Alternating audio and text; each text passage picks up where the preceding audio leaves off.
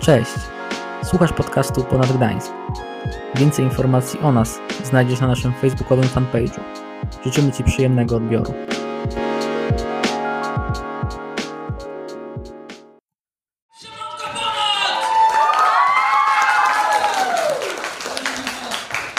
Rozmnożyło. Moi drodzy, bardzo, bardzo mi radośnie, kiedy mogę zobaczyć Was wszystkich, mimo że Was w ogóle nie widzę. E, na pierwszym spotkaniu ponad sezonu 2022-2024 to się cieszę! Bardzo się cieszę, że się cieszycie i e, powiem Wam, jest to niesamowity zaszczyt być tutaj w tym miejscu, widzieć e, przynajmniej pierwszy rząd i drugi. Moi drodzy, dzisiaj przed nami rozpoczęcie, wielkie rozpoczęcie. E, I powiem Wam, jestem tak podekscytowany, że dzisiaj nawet wziąłem wolne w pracy, aby tylko móc tutaj e, jak najlepiej się przygotować, być od samego początku. E, no bo kto w takim dniu, kto w takim dniu jak dzisiaj może myśleć o pracy? Kto w takim dniu jak dzisiaj może myśleć o szkole? Mogliście myśleć o szkole? Kto dzisiaj wiedział, że przyjdzie na ponad? Nie było tak, że trochę z tyłu głowy było, dzisiaj będzie ponad, dzisiaj będzie coś ciekawszego niż tylko te lekcje, ten polski, matematyka. Moi drodzy, szkoła, generalnie powrót do szkoły nie jest niczym łatwym, a jesteśmy we wrześniu. Jesteśmy w miesiącu, w którym te powroty do szkoły są czymś naturalnym. E, trzy tygodnie szkoły, mam do Was pytanie w takim razie. Kto z Was już się przyzwyczaił do tego, że jest ten okres szkolny? Kto z Was już przywykł do, wsta- do wstawania rano? Widzę, o, widzę, że w Trzewie całkiem względem. Ale, ale z tyłu tam nie bardzo. Z tyłu chyba, chyba Gdańsk, chyba, chyba Gdańsk. Średnio. No, to jest, słyszę, słyszę różne opinie. E, moi drodzy, szkoła wzbudza e, zazwyczaj mieszane uczucia. Co można powiedzieć, że każdy ma, każdy ma inne, inne e, przemyślenia dotyczące szkoły i e, powiem Wam, że nasz media team przed naszym dzisiejszym spotkaniem, pierwszym spotkaniem postanowił przeprowadzić taką mini ankietę w Gdańsku, e, w nie- niedaleko, nie- niedaleko oddalonym e, stąd forum e, i zadali kilka, pytań uczniom, ludziom, którzy są w naszym wieku, którzy są, e, którzy są też tak jak wy, jak my, uczniami, czy już nie jestem, ale jak wszyscy tutaj, w większości z nas jesteśmy tutaj uczniami, tak oni również i bardzo ciekawe odpowiedzi tam padały. Jakie były wyniki tej ankiety, to może po prostu obejrzyjmy razem, ok? Zapraszam Was na krótki seans. Po co nam właściwie jest y, według Was szkoła? No nie wiem, żeby zabić czas. No teoretycznie do nauki. Ale nie, nie wiem, no W praktyce tak nie jest. żeby się rozwijać, żeby iść do pracy, no i żeby zarabiać pieniądze. No, to żeby się edukować oczywiście. żeby eduko- edukować. Potem mieć dobrą pracę i móc dobrze zarabiać. Tak, tak, tak i to tyle chyba.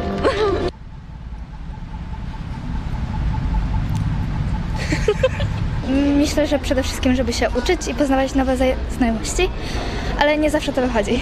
Co innego trzeba robić w życiu? Jak nie pracować? No to szkoła. też prawda. No. Słuchajcie, a powiedzcie mi, czy gdyby szkoła była nieobowiązkowa, czy chodzilibyście do niej? Prawdopodobnie nie. myślę, że raczej sam bym się uczył. Czy mówisz tutaj o domowym nauczaniu, czy po prostu zdobywanie wiedzy na własną rękę? Jakieś książki bym sobie kupował. I sam bym się uczył z nich. Pewno, żeby rozwijać to, co Cię interesuje, a nie tracić godziny na przykład na historię Polski, co coś Ci nie przyda po prostu. A słuchajcie, powiedzcie mi, czy gdyby szkoła była nieobowiązkowa, to czy uczęszczalibyście do niej? Yy, jasne, że tak, bo nie miałbym wtedy żadnego wykształcenia. I, no i nie dostałbym się do żadnej pracy raczej. Osobiście myślę, że nie, ale nadrabiałbym naukę w domu. Myślę, że tak. No tak średnio bym powiedział, tak średnio. Ja chyba raczej w domu, ale nie Ja bym chodziła do szkoły, bo jednak to jest taki wtedy kontakt z ludźmi. No, w sobie raczej. Tak. E, myślę, że tak. Ja tak. Uczęszczałabym, bo lubię integrację z ludźmi, tak? Zapewne w podstawowej bym nie uczęszczała, ale w wyższej już bym uczęszczała, bo właśnie ta wyższa szkoła daje możliwości na rozwinięcie swoich zainteresowań. Tylko na niektóre przedmioty. No, takie co są jakby potrzeby gdzieś tam do jakiegoś tam zawodu czy coś, to tak.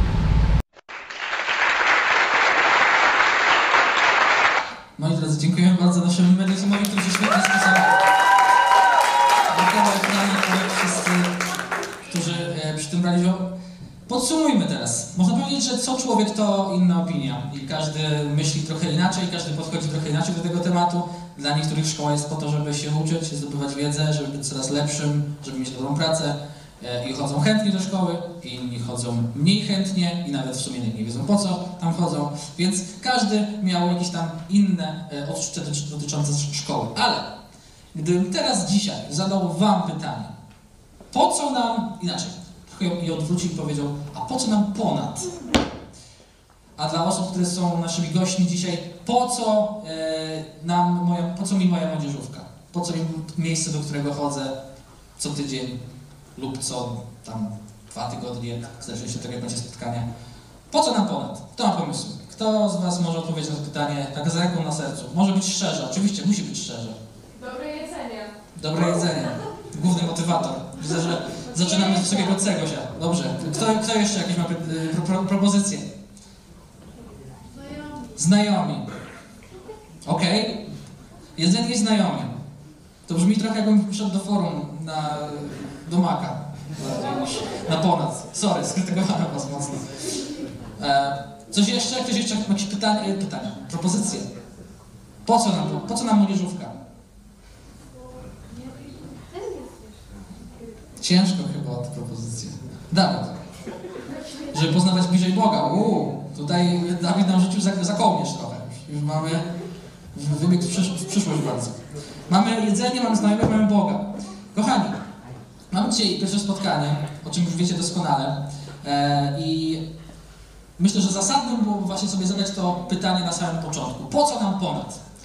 Po co mi te spotkania, do czego są mi one potrzebne? Taki zresztą tytuł ma dzisiejsze spotkanie. Po co nam ponad? I żeby na to pytanie odpowiedzieć, musimy trochę jednak głębiej poszperać w Biblii. W Biblii? O, w Biblii. Będziemy mówić o Biblii na młodzieżówce. Wow. E, tak, będzie dzisiaj trochę o Biblii. E, I postaramy się odpowiedzieć na to pytanie w taki sposób, żeby było jak najbardziej obiektywnie, w taki sposób, żeby e, rozwiać wszelkie wątpliwości, jeśli takie takowe w waszych głowach się rodzą. Po co nam młodzieżówka? Po co nam ponad? Po co nam te spotkania? A więc siadamy wygodnie, wygodne są siedzenia? To siadamy wygodnie, zapinamy pasy, których nie ma i lecimy. Kochani, w Biblii mamy Stary i Nowy Testament. W Nowym Testamencie mamy cztery Ewangelie.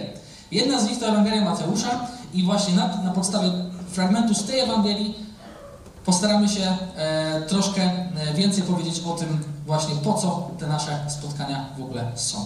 Ewangelia Mateusza, 5 rozdział od 13 do 16 e, wersetu i czytamy tam następujące słowa. Wy jesteście solą ziemi. Gdyby sól zwietrzała, nikt smaku by jej nie przywracał. Byłaby nieprzydatna w sam raz do wyrzucenia i podeptania przez ludzi. Wy jesteście światłem świata.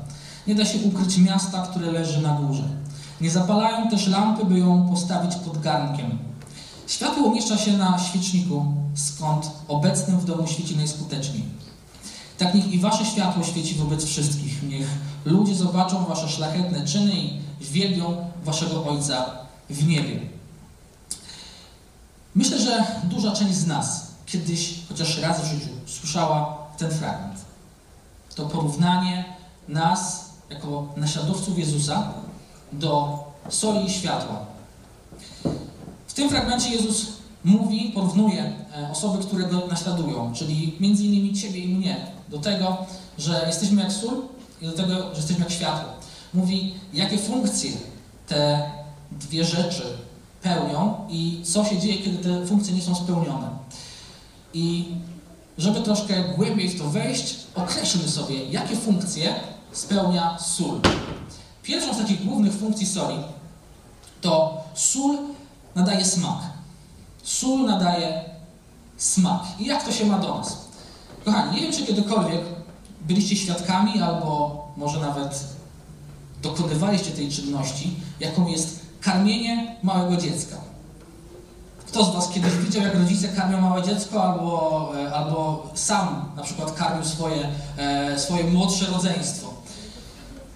Generalnie, o, widzę, że świetna, świetna, świetny przykład. Moi drodzy, karmienie małych dzieci to jest stąpanie po bardzo cienkiej linii. Wystarczy, że dziecku, małemu dziecku nie posmakuje chociaż troszkę potrawa, którą, która jest mu serwowana, albo nawet nie to, że nie posmakuje, po prostu będzie przy, przyjmie jakiś, jakiś taki nieatrakcyjny wygląd. Będzie ona nie, e, nieatrakcyjna, nie będzie zachęcała do spożycia i nie ma opcji, żeby to dziecko to zjadło. Nie ma opcji, żeby to dziecko dokończyło to jedzenie.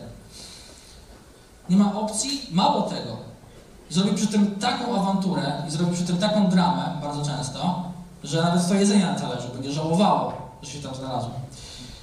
Ja byłem w, tym, w, tym, w tej kwestii mistrzem. Byłem, znaczy mistrzem w, negatywnym tego słowa znaczeniu. Byłem najgorszy, byłem okropny. Moi rodzice mieli ze mną naprawdę e, bardzo, bardzo przekichane, bo ja byłem bardzo wybredny co do jedzenia. Kiedy byłem kilku, a nawet już no kilkuletni, tak do dziesiątego roku życia mniej więcej, jak byłem kilkuletnim dzieckiem, to nakarmić mnie to był jakiś w ogóle horror. Ja miałem kilka tylko potraw, które tolerowałem, które były w miarę przyswajalne i to były zazwyczaj słodkie potrawy, na przykład naleśniki albo makaron z truskawkami, bardzo lubiłem, ale poza tym miałem bardzo wąskie spektrum i e, wystarczyło mi, wystarczyło, że coś mi się nie spodobało i tego nie, nie, nie, by- nie byłem w stanie zjeść. Nie, nie, byłem w stanie tego po prostu nawet, zacząłem, a nie dokończyłem, więc nawet nie ma, nie ma mowy w ogóle o najedzeniu się. Nie, nie motywowały mnie żadne e, systemy nagród i kar, które stosowali moi rodzice, czyli wiecie, tu jest stół, minutnik, 5 minut odlicza, cyk, cyk, cyk, cyk, cyk i ja muszę zjeść, bo jak, jak zjem, to dostanę nagrodę, a jak nie, to dostanę coś szlaban. No to tam możecie sobie nawet 50 tych szlabanów dawać i tak tego nie. I był tylko jeden case, jeden przypadek, który, w którym jadłem bardzo, bardzo, e, w, który, w którym jadłem wszystko od początku do końca i to w mgnieniu oka. Kiedy jako e, właśnie dziecko jeździliśmy z klasą na wycieczki szkolne, a pochodzę ze wsi, więc żeby wyjechać do miasta to była wielka wyprawa, wiecie. I jedną z atrakcji w mieście, poza, poza kinem, no bo co tam innego można było w tym Olsztynie, e, poza kinem była, była, była, wycieczka do McDonalda. McDonald's to było miejsce, do którego zawsze miałem słabość, nawet do dzisiaj, co zresztą trochę pewnie widać. I moi drodzy, jeśli chodzi o McDonalda, to wystarczyło tam wejść do środka, zobaczyć menu i już po prostu ślinka ciekła. I Kiedy, kiedy dostawaliśmy zestawy Happy Meal, które zamawialiśmy jako grupa, to wszystko, co w tym pudełku się tam znalazło. Mogła tam być, tam być nawet kasza manna mojej mamy ugotowana, ale ja bym- to zjadł. Bym to zjadł od początku do końca. Nagle wszystko zaczynało mi smakować, wszystko, co tam było podawane. Było to zachę- takie zachęcające do zjedzenia, było takie atrakcyjne. I w kontekście nas jako soli, jako tej przyprawy, która dodaje smaku, jest bardzo podobnie. To my jesteśmy tymi, którzy nadają smak. My, to jesteśmy, my jesteśmy tymi, którzy sprawiają, że potrawa staje się atrakcyjna do zjedzenia, do spożycia. A co jest tą potrawą? Tą potrawą jest Słowo Boże. Tą potrawą jest Słowo Boże i w taki sposób, jaki zostanie przez nas ono przedstawione, w taki sposób, jak zostanie przez nas ono powiedziane, albo w taki sposób, jak my po prostu będziemy postępować. Nawet nie głosząc słowa e, słowami, ale czynami, swoim zachowaniem codziennym. To wszystko, jak to będzie przedstawione w jaki sposób, zależy od tego, w jaki sposób inni będą chcieli to słowo przyjąć.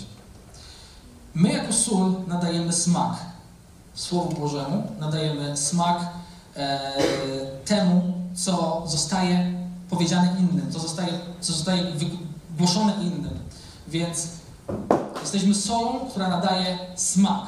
Możemy to powtórzyć, to jest taki wniosek z, całej tej, e, z całego tego case'u. Jesteśmy solą, która nadaje smak. Okay? To jest pierwsza właściwość soli. I w tym przypadku e, nie ostatnia.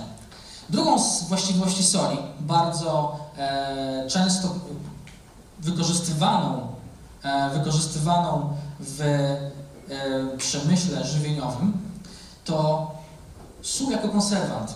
Sól bardzo dobrze konserwuje. Nie wiem, czy wiecie o tym, ale generalnie większość potraw mięsnych, która, e, może potraw mięsnych, niekoniecznie produktów mięsnych, tak, jakichś tam przetworów, e, nie ma zbyt długiego okresu przydatności. Bardzo łatwo się psuje i szybko się psuje, ale zakonserwowana właśnie przez e, sól, przez różne roztwory solne, które są w nią, wiecie, wcierane i, i dodawane do nich, no to ten okres przydatności się bardzo diametralnie wydłuża. Więc często właśnie, jak jest coś mięsnego, jakieś, nie wiem, szynka czy coś, to, to ona bardzo często jest maczana w jakichś solankach e, i to nie, jest, to nie jest nic nowego, tak się działo już od, od tak naprawdę dawnych, dawnych lat. Bardzo, od, od, odkąd w ogóle ludzie e, odkryli, e, odkryli w ogóle przechowywanie mięs różnych, to, to właśnie wtedy powstało to, że sól jest świetnym konserwantem. I Jezus nazywając swoich naśladowców, swoich uczniów solą, sugeruje, sugeruje nam coś. Sugeruje nam on, że wszystko to, co dzieje się na świecie, wszyscy ludzie łącznie z nami, są narażeni na, na rozkład. Są narażeni na to, że, że, będą się, że to będzie się psuć, że będą się psuć, że będą, e, mówiąc brzydko, gnić po prostu. Wszystko, co dzieje się na świecie dookoła, ma tendencję do gnicia. I my, jako sól, która konserwuje, mamy za zadanie ten proces zahamować. Mamy za zadanie ten proces zahamować i e, w ogóle chrześcijanie, jak spojrzymy sobie na kontekst historyczny, właśnie bardzo często byli tymi, którzy hamowali te procesy destrukcyjne w społeczeństwie. Chrześcijanie jako pierwsi, nie wiem czy wiecie, ale chrześcijanie jako pierwsi e, organizowali akcje charytatywne. Chrześcijanie przyczynili się do tego, że kobiety uzyskały swoje prawa. Chrześcijanie przyczynili się do tego, że e, w tym momencie mamy tak rozwiniętą naukę, medycynę czy różne nauki techniczne. E, wiem, że to trochę jest sprzeczne ze sobą. Czasami uważamy, że nauka i wiara to są takie dwie dziedziny, dużo ludzi tak uważa, że to są takie dwie dziedziny, dziedziny nieprzenikalne, ale jednak ludzie wierzący, chrześcijanie mają olbrzymie, odciskają olbrzymie piętno na tym, jak wygląda teraz nasz świat, mówiąc w pozytywnym tego słowa znaczeniu. Chrześcijanie również przyczynili się do upadku niewolnictwa, tak? czyli procesu, też procesu gnicia, który następował w społeczeństwie bardzo, bardzo szybko i pochłaniał bardzo dużo ofiar. I to właśnie chrześcijanie, a dokładnie jedna osoba, o której sobie za chwilę powiemy, e, była takim, takim przyczynkiem, takim, taką, taką iskrą do tego, żeby to niewolnictwo zostało, e, zostało zdelegalizowane. Człowiekiem, o którym właśnie teraz napomknąłem troszkę, e, był William Wilberforce, czyli człowiek, który był politykiem, brytyjskim politykiem żyjącym na przełomie XVIII i XIX wieku. Pewnie nie pamiętacie, ja może bardziej wiem. Człowiek, który w wieku 25 lat e, oddał swoje życie Jezusowi, który zaufał mu i w, pełen, w pełnym pakiecie odzwierciedlał jego prawa, jego zasady. I jako polityk nie miał z, tym, z tego powodu łatwo. Żył w takim, e, obracał się w takim kręgu, w którym za bardzo o Bogu się e, nie mówiło, e, a szczególnie jak, jak ktoś opierał w ogóle e, swoje postulaty i swoje programy wyborcze o jakiejś, wiecie, wyższe wartości, to już w ogóle było nie do pomyślenia. Wilberforce y, postawił sobie za cel zniesienie niewolnictwa. Powiedział, nie spocznę, dopóki niewolnictwo na wyspach nie zostanie zniesione. Z tego powodu był bardzo często szydzony przez swoich, e, przez swoich e, kolegów polityków, przez oponentów albo przez takich, wiecie, skrajnych opozycjonistów, którzy jedni mówili w ogóle, zajmuj się bzdurami. Co, o co ci chodzi? Dlaczego, dlaczego mówisz o jakichś niewolnikach? To w ogóle są ważniejsze sprawy. Możemy, może porozmawiajmy nie wiem, o, o kolonializmie, porozmawiajmy o tym, jak zajmować kolejne ziemie, z czym potentatem, jeśli chodzi o zdobywanie nowych ziem. Może w, ten, w tym kierunku pójść, to jest bardziej na czasie. Niewolnictwo, co, o co ci w ogóle chodzi? To jest, to jest w ogóle temat niepotrzebny. Inni mówili jeszcze ostrzej, mówili, ten człowiek próbuje zaszkodzić naszemu krajowi ten człowiek próbuje zaszkodzić Królestwu Brytyjskiemu, dlatego że nasze królestwo w większości e, swojej, swoją gospodarkę opierało niewolnictwo, tanią siłę roboczą, a właściwie darmową siłę, siłę roboczą. Więc dla jednych był świrem, dla innych był wrogiem publicznym numer jeden. Ale on się nie poddawał. Walczył w różnych debatach, przeprowadzał ankiety, sondaże, pisał nowe ustawy, które to coraz były odrzucane przez parlament brytyjski.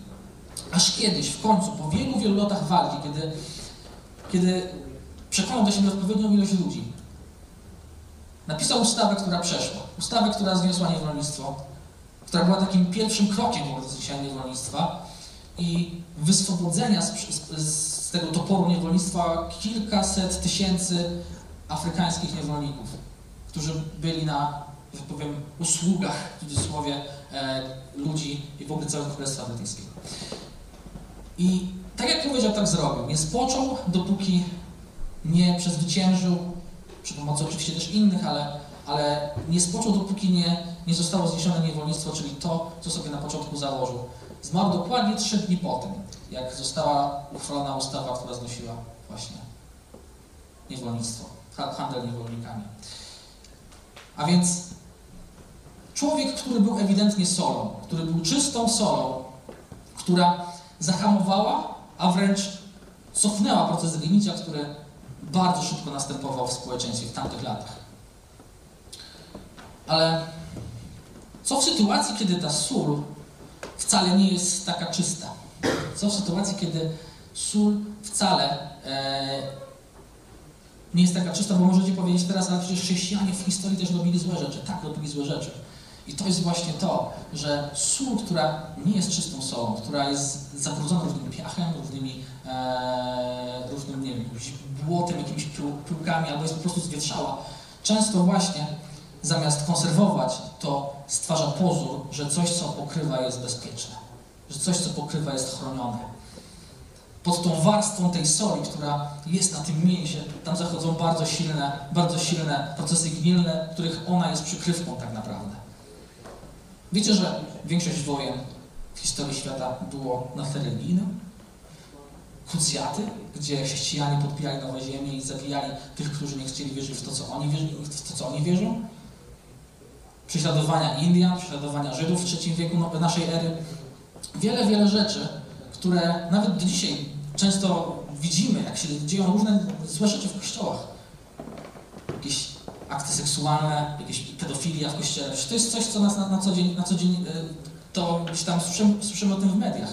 To wszystko jest efekt tego, że sól, którą, którą ci chrześcijanie stanowią, jest zanieczyszczona. Naszym zadaniem, moi drodzy, jest dbać o swoją czystość, o czystość nas jako soli, o to, że nie będziemy przykrywką dla żadnej nieprawości, że nie będziemy przykrywką dla, e, dla, żadnych, dla żadnej niesprawiedliwości. Moi drodzy, jesteśmy solą, która konserwuje. Jesteśmy solą, która konserwuje i chcę, żebyście to teraz jeszcze raz powtórzyli po mnie. Jesteśmy solą, która konserwuje. To jest drugi wniosek z dzisiejszego e, kazania. Mam nadzieję, że, e, że w miarę zrozumiały. Teraz przejdziemy sobie od soli do światła e, i e, to będzie teraz taki, a, że tak powiem, trzeci wniosek, mam nadzieję, ważny. Powiedzmy trochę o funkcjach światła. Światło, ma, światło ma, ma różne funkcje, nie będziemy się teraz rozdrabniać na jakieś takie cząstki. Światło pełni funkcję, e, na przykład oświetla drogę albo oświetla pomieszczenia. Tak? Kiedy idziemy gdzieś, latarnia świeci e, i wiemy gdzie iść, to jest super. E, kiedy jesteśmy w pokoju, chcemy coś przeczytać, chcemy coś porobić, a nie tylko spać, to światło jest idealne. Światło też pe- pełni funkcje ostrzegawcze. Sygnalizacja świetlna mówi, kiedy jechać, a kiedy nie jechać, kiedy iść, a kiedy stać. Światło też pełni funkcje rozrywkowe, jest taką swoistą atrakcją. Na przykład tutaj mam dużo świateł różnych, kolorowych, e, przez co ta sala wygląda ładniej. Światło pełni różne funkcje i Jezus mówi do nas, wy jesteście światłością świata. Wy jesteście światłością świata. Co teraz to sugeruje? Co sugeruje to, co mówi Jezus do nas? To, że na świecie w takim razie musi nie być tak jasno, skoro jesteśmy światłością. Po co mielibyśmy być światłością na jasnym świecie? To byłoby bez sensu. Jezus sugeruje nam, że nasz świat pokrywa ciemność. I my jesteśmy tymi, którzy mają tę ciemność rozświetlać. Jesteśmy tymi, którzy mają tę ciemność niweczyć. I ja wiem, że akurat jeśli chodzi o ciemność, taką całkowitą ciemność, to ciężko sobie ją wyobrazić, bo żyjemy w tak rozwiniętej cywilizacji, że jeszcze tym bardziej, że mieszkamy w miastach, e, że generalnie ciężko taki całkowity blackout. Cię- Ciężko jest o to, żeby, żeby nie było nic widać, dlatego że nawet nie no, na przykład w Gdańsku chyba nigdy nie jest ciemno, chyba że całkowicie, chyba że, chyba, że tej zimy może być, ale generalnie, generalnie w Gdańsku nigdy nie jest, nie jest ciemno, zawsze świecą się jakieś latarnie, zawsze gdzieś tam coś, coś tam się, jakieś światło odbija. E, więc żeby Wam troszkę to ułatwić, żeby ułatwić sobie, żeby ułatwić Wam e, zrozumienie tego, jak wygląda taka całkowita ciemność i tego, że może być ona często przerażająca, to postaram się zrobić taką krótką e, symulację z tym związaną. To jest ciemność. Nie do końca idealna. Nie do końca idealna. Niektórzy mają taką ładną poświatę takiego ciepłego światła na twarzach, e, ale powiem Wam uczciwie, e, ja już wspomniałem o tym, że pochodzę z, z małej wioski, dosłownie z takiej wioski, z takiego odludzia, prawda, że tam wiecie, wjeżdżasz na czwórce, wrzucasz na piątkę, już jest przekreślone, przecież już jej nie ma.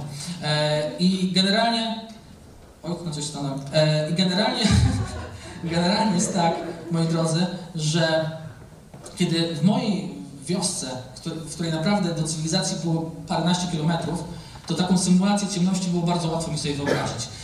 Wystarczyło, że była ciemność, była, była noc, ja zasłaniałem roletę, wyłączałem światło i było tak ciemno, że serio, kładąc się do łóżka, bałem się przywrócić na drugą stronę, żebym sobie jakiejś krzyku tylko nie wyrządził. Naprawdę, było ekstremalnie, ekstremalnie ciemno.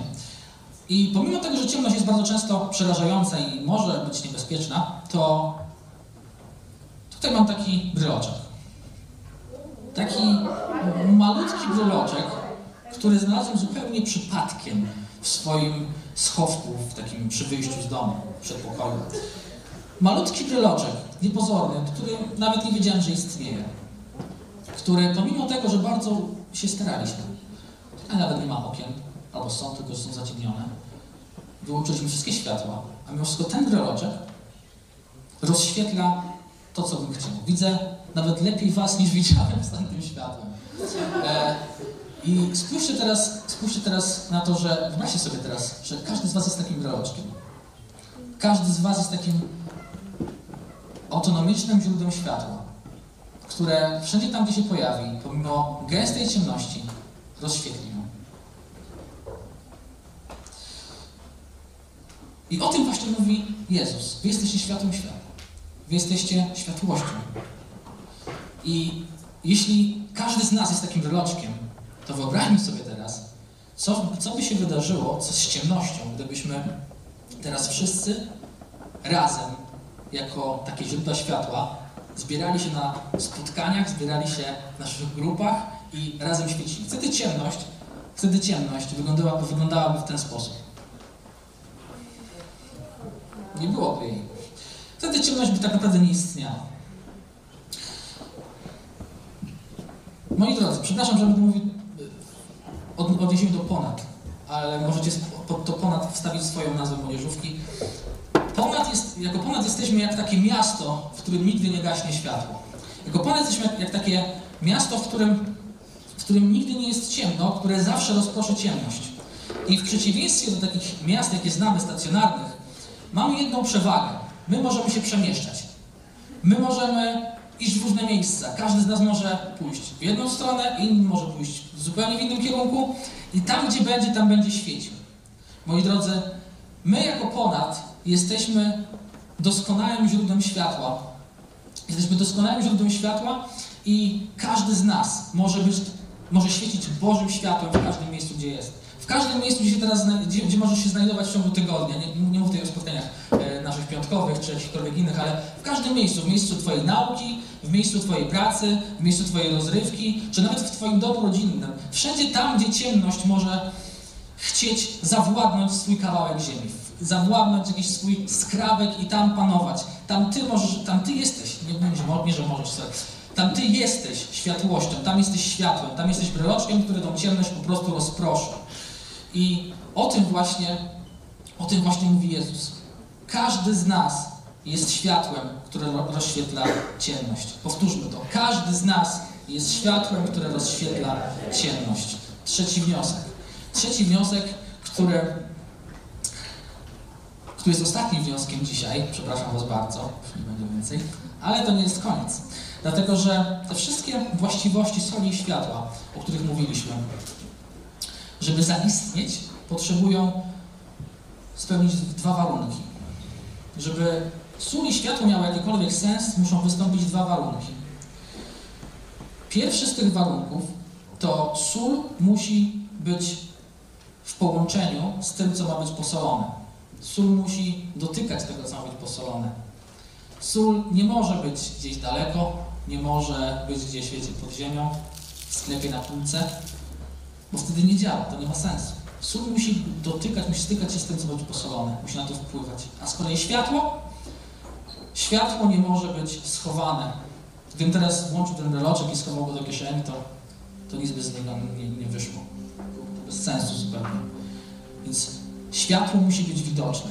Nie może być niczym przykryte, bo nic nam po świetle, po świetle, które jest schowane, przykryte kocem, albo po soli, która jest w kopalni. Kończąc, mam dla Was taką anegdotkę jeszcze, związaną z moim życiem. Kiedyś, to było jakieś 5 lat temu, miałem taki epizod w swoim życiu, w którym byłem wychowawcą kolonijnym. To był taki klimat, w którym jeździłem w Polsce, po Polsce i po Europie, różne obozy i kolonie i pilnowałem młodzież podczas ich wypoczynku. Oczywiście nie mojego, tylko ich wypoczynku. I pewnego razu miałem taką kolonię zagraniczną, jechaliśmy do Barcelony. Jechaliśmy autobusem. Jechaliśmy auto, autokarem, Jechaliśmy autokarem dwa dni, ponad dwa dni były same jazdy, także było bardzo komfortowo. Ale też mieliśmy pewne takie pit stopy. Jednym z nich był Paryż i e, wycieczka do Disneylandu. Byliśmy cały dzień w Disneylandzie.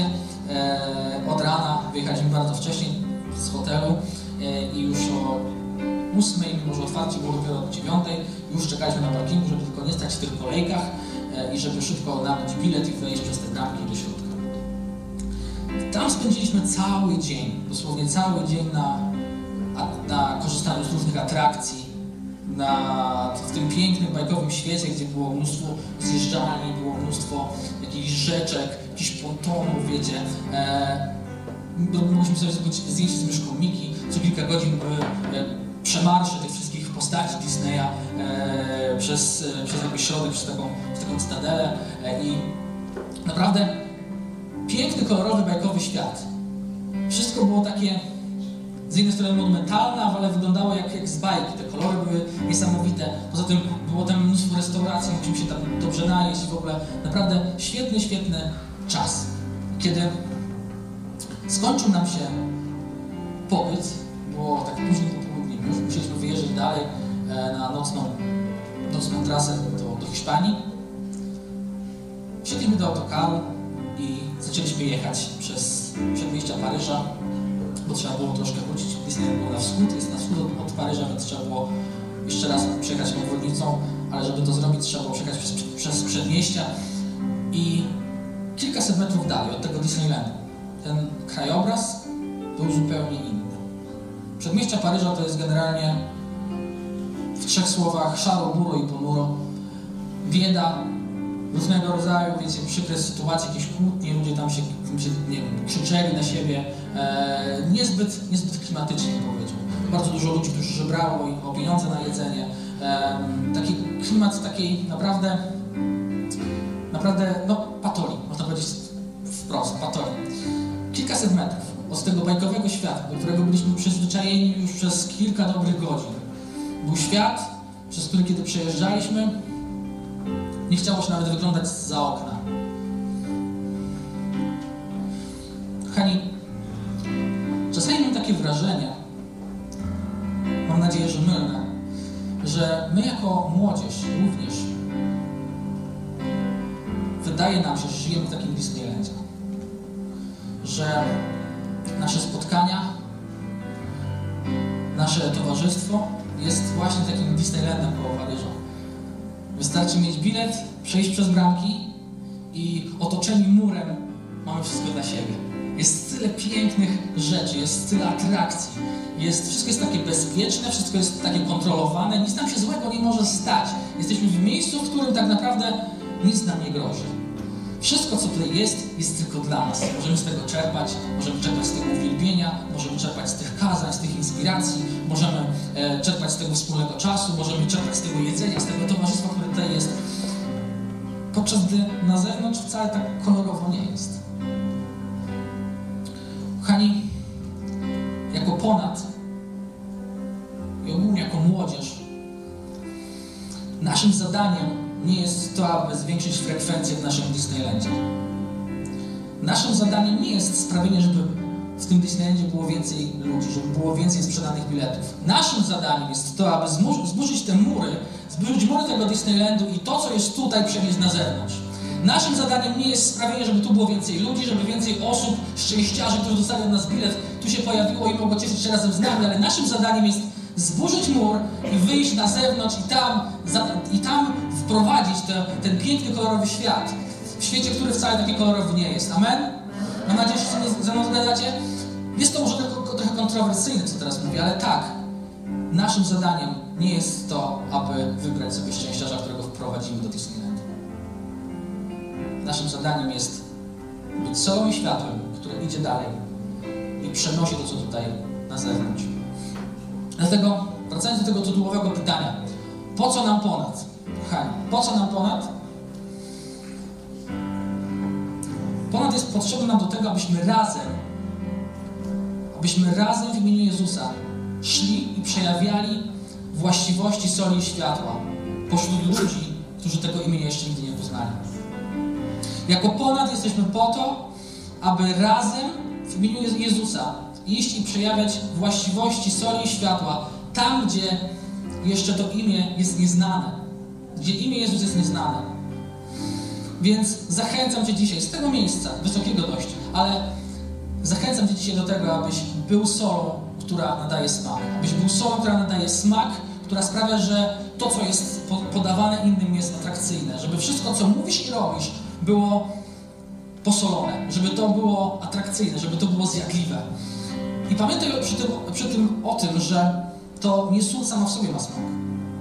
To nie sól sama w sobie smakuje, tylko smak, który, e, tylko naszym zadaniem jest nadać smak Słowu Bożemu. To nie chodzi o nas, nie chodzi o nasz smak, tylko chodzi o Jezusa. Bądź osobą, bądź, bądź solą, która konserwuje. Bądź przeciwwagą do tych wszystkich cierpień, które są na świecie, do tych wszystkich krzywd, które są wyrządzane. Bądź, bądź solą, która to zahamuje, która powie dość, która powie stop i która będzie prawdziwą, realną zmianą. Bądź światłem, które rozprasza ciemność, wiedząc o tym, że masz przewagę, masz naturalną przewagę nad ciemnością. Moi drodzy, przyszedł czas, żeby, żeby się modlić. Będziemy się modlić, będziemy za chwilę śpiewać kolejną pieśń. Później czekają nas jeszcze inne atrakcje. Ale to nie jest Disneyland. Wychodząc stąd, miejmy na uwadze to, że wszystko, co robimy, każdy nasz dzień, każda sytuacja, w której jesteśmy postawieni, w szkole, w domu, nie wiem, na, na siłowni, w pracy, gdziekolwiek jesteśmy, wszędzie jesteśmy solą i światłem. Nie tylko dzisiaj tutaj, ale wszędzie można planować Disneyland. Jest nas tak dużo. Jeśli jeden polityk był w stanie wyswobodzić setki tysięcy niewolników, to my dzisiaj tutaj możemy zrobić naprawdę wiele. Amen? My dzisiaj tutaj mamy na, naprawdę wielką moc, więc wierzę w to, że te wnioski, które dzisiaj były, które dzisiaj padły, które dzisiaj też pojawiły się w waszych głowach, może inne wnioski niż moje, może pomyśleliście w trochę inny sposób, ale też wam coś, coś się zrodziło w głowach, niech te wnioski zaowocują, niech, niech to słowo zaowocuje w waszych sercach. Teraz zachęcam was do tego, abyście powstali i pomodlimy się jeszcze na koniec. Pomodlimy się ten sezon i pomodlimy się o każ- każdego z nas. O Polandowicza, o gościa, o każdego z nas, którzy, tu jesteśmy dzisiaj. Panie, Panie Boże, dziękuję Ci za to, że możemy dzisiaj w takim pięknym gronie się spotykać. Że możemy mieć miejsce, azyl do tego, aby karmić się Twoim Słowem i aby bez żadnego problemu i bez żadnych, bez żadnych problemów prawnych, bez żadnego wytykania palcami, że możemy tutaj być i wielbić Twoje imię i że możemy słuchać o Tobie. Panie, wierzę w to, że każdy z nas ma niesamowite pokłady soli i światła w sobie. I proszę, aby ten rok, aby ten cały sezon był właśnie tym czasem, w którym te pokłady zostaną wykorzystane, w którym te pokłady ujrzą światło dzienne i zostaną dotknięte w miejscach, w których powinny, w których, w których powinny działać. Dziękuję za każdą osobę na tym miejscu. Błogosławię i Panie, proszę, abyś wspierał każdego z nas przez każdy dzień, przez każdą sytuację, przez każdą naszą codzienną, przez każde nasze codzienne zmaganie, aby, aby każdy z nas miał mądrość i aby, miał, aby był wyposażony w to, aby zawsze odzwierciedlać Twoje słowa, aby zawsze odzwierciedlać Twoje oblicze. Oddajemy Ci chwałę i kochamy Cię całym sercem, Panie. Amen. Moi drodzy, teraz oddajemy głos zespołowi i nam wszystkim też. Niech rozbrzmiewa pieśń uwielbienia. Ostatnio dzisiaj, ale mam nadzieję, że wyśpiewana z całego serca i z pełni naszych głosów.